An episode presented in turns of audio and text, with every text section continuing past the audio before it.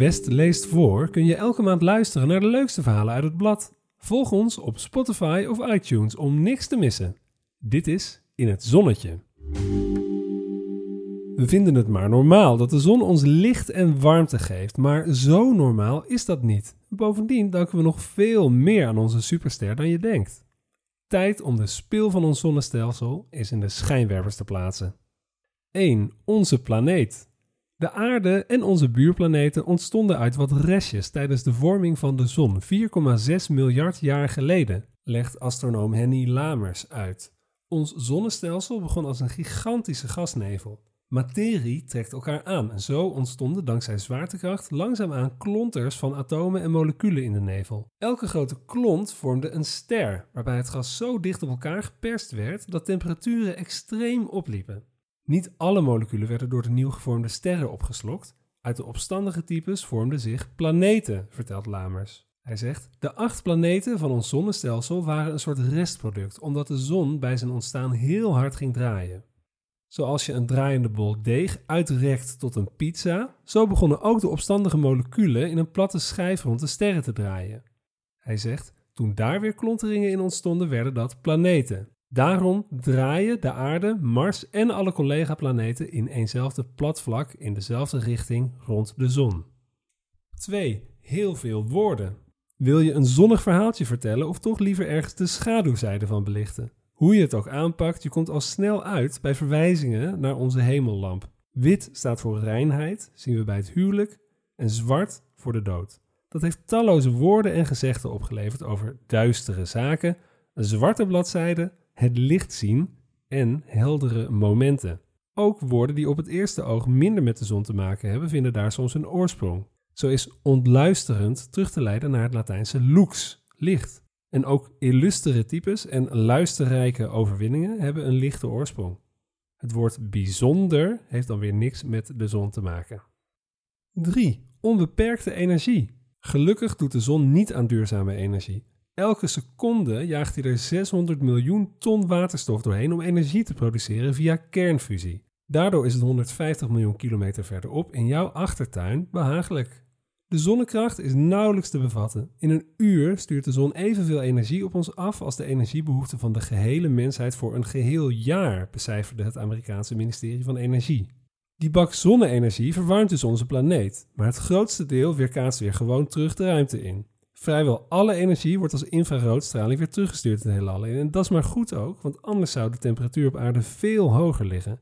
Op Venus is het dankzij een flink broeikaseffect gemiddeld zo'n 460 graden. Als we ook maar een fractie van de energie die de aarde wel bereikt kunnen omzetten in elektriciteit, zou dat alle andere energiebronnen overbodig maken. Volgens berekeningen van de stichting Land Art Generator biedt zo'n 500.000 vierkante kilometer aan zonnepanelen genoeg elektriciteit voor de volledige energiebehoeften van de wereld. Dat vraagt om een zonnepark ter grootte van Spanje, maar op wereldwijde schaal stelt het weinig voor. De zonnepanelen zouden slechts 1 duizendste van het totale aardoppervlak vullen.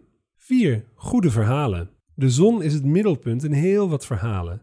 De oude Egyptenaren aanbaden zonnegod Ra zelfs als een van hun belangrijkste goden. Volgens een van de verhalen woonde Ra eerst gewoon op aarde samen met talloze andere goden. Toen hij oud geworden was, kwamen de mensen tegen hem in opstand.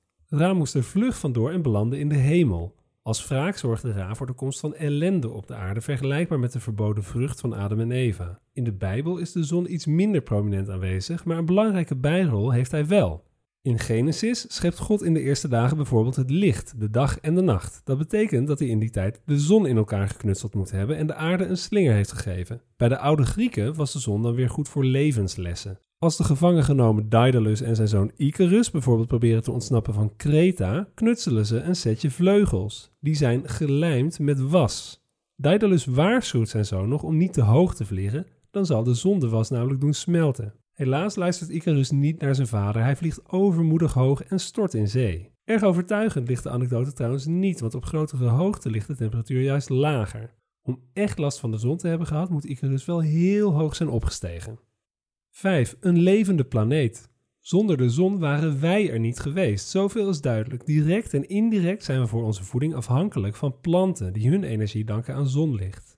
Zou dit leven zonder zon wel mogelijk zijn? Dat is maar de vraag, want de zon biedt precies de juiste temperaturen voor het ontstaan van het leven, vertelt Henny Lamers. Hij zegt, om leven te maken moet je complexe moleculen bouwen. Maar als de temperatuur te hoog is, breek je die complexe moleculen af. En bij heel lage temperaturen gaan alle moleculaire processen extreem langzaam. Zo langzaam dat het bijna onmogelijk is om complexe moleculen en dus leven te maken. Levende wezens zijn machientjes waarin constant ingewikkelde reacties plaatsvinden. Mensen, maar ook bacteriën, planten en al het andere leven zijn ontstaan door creatief geknutsel met onder meer koolstof, zuurstof en waterstofatomen. Alleen omdat de zon de aarde van de juiste temperatuur voorziet, vallen de benodigde moleculen niet uit elkaar in losse stukken. Samen met Mars bevindt de aarde zich in de bewoonbare zone van de zon, daar waar het niet te koud en niet te warm is voor het ontstaan van het leven.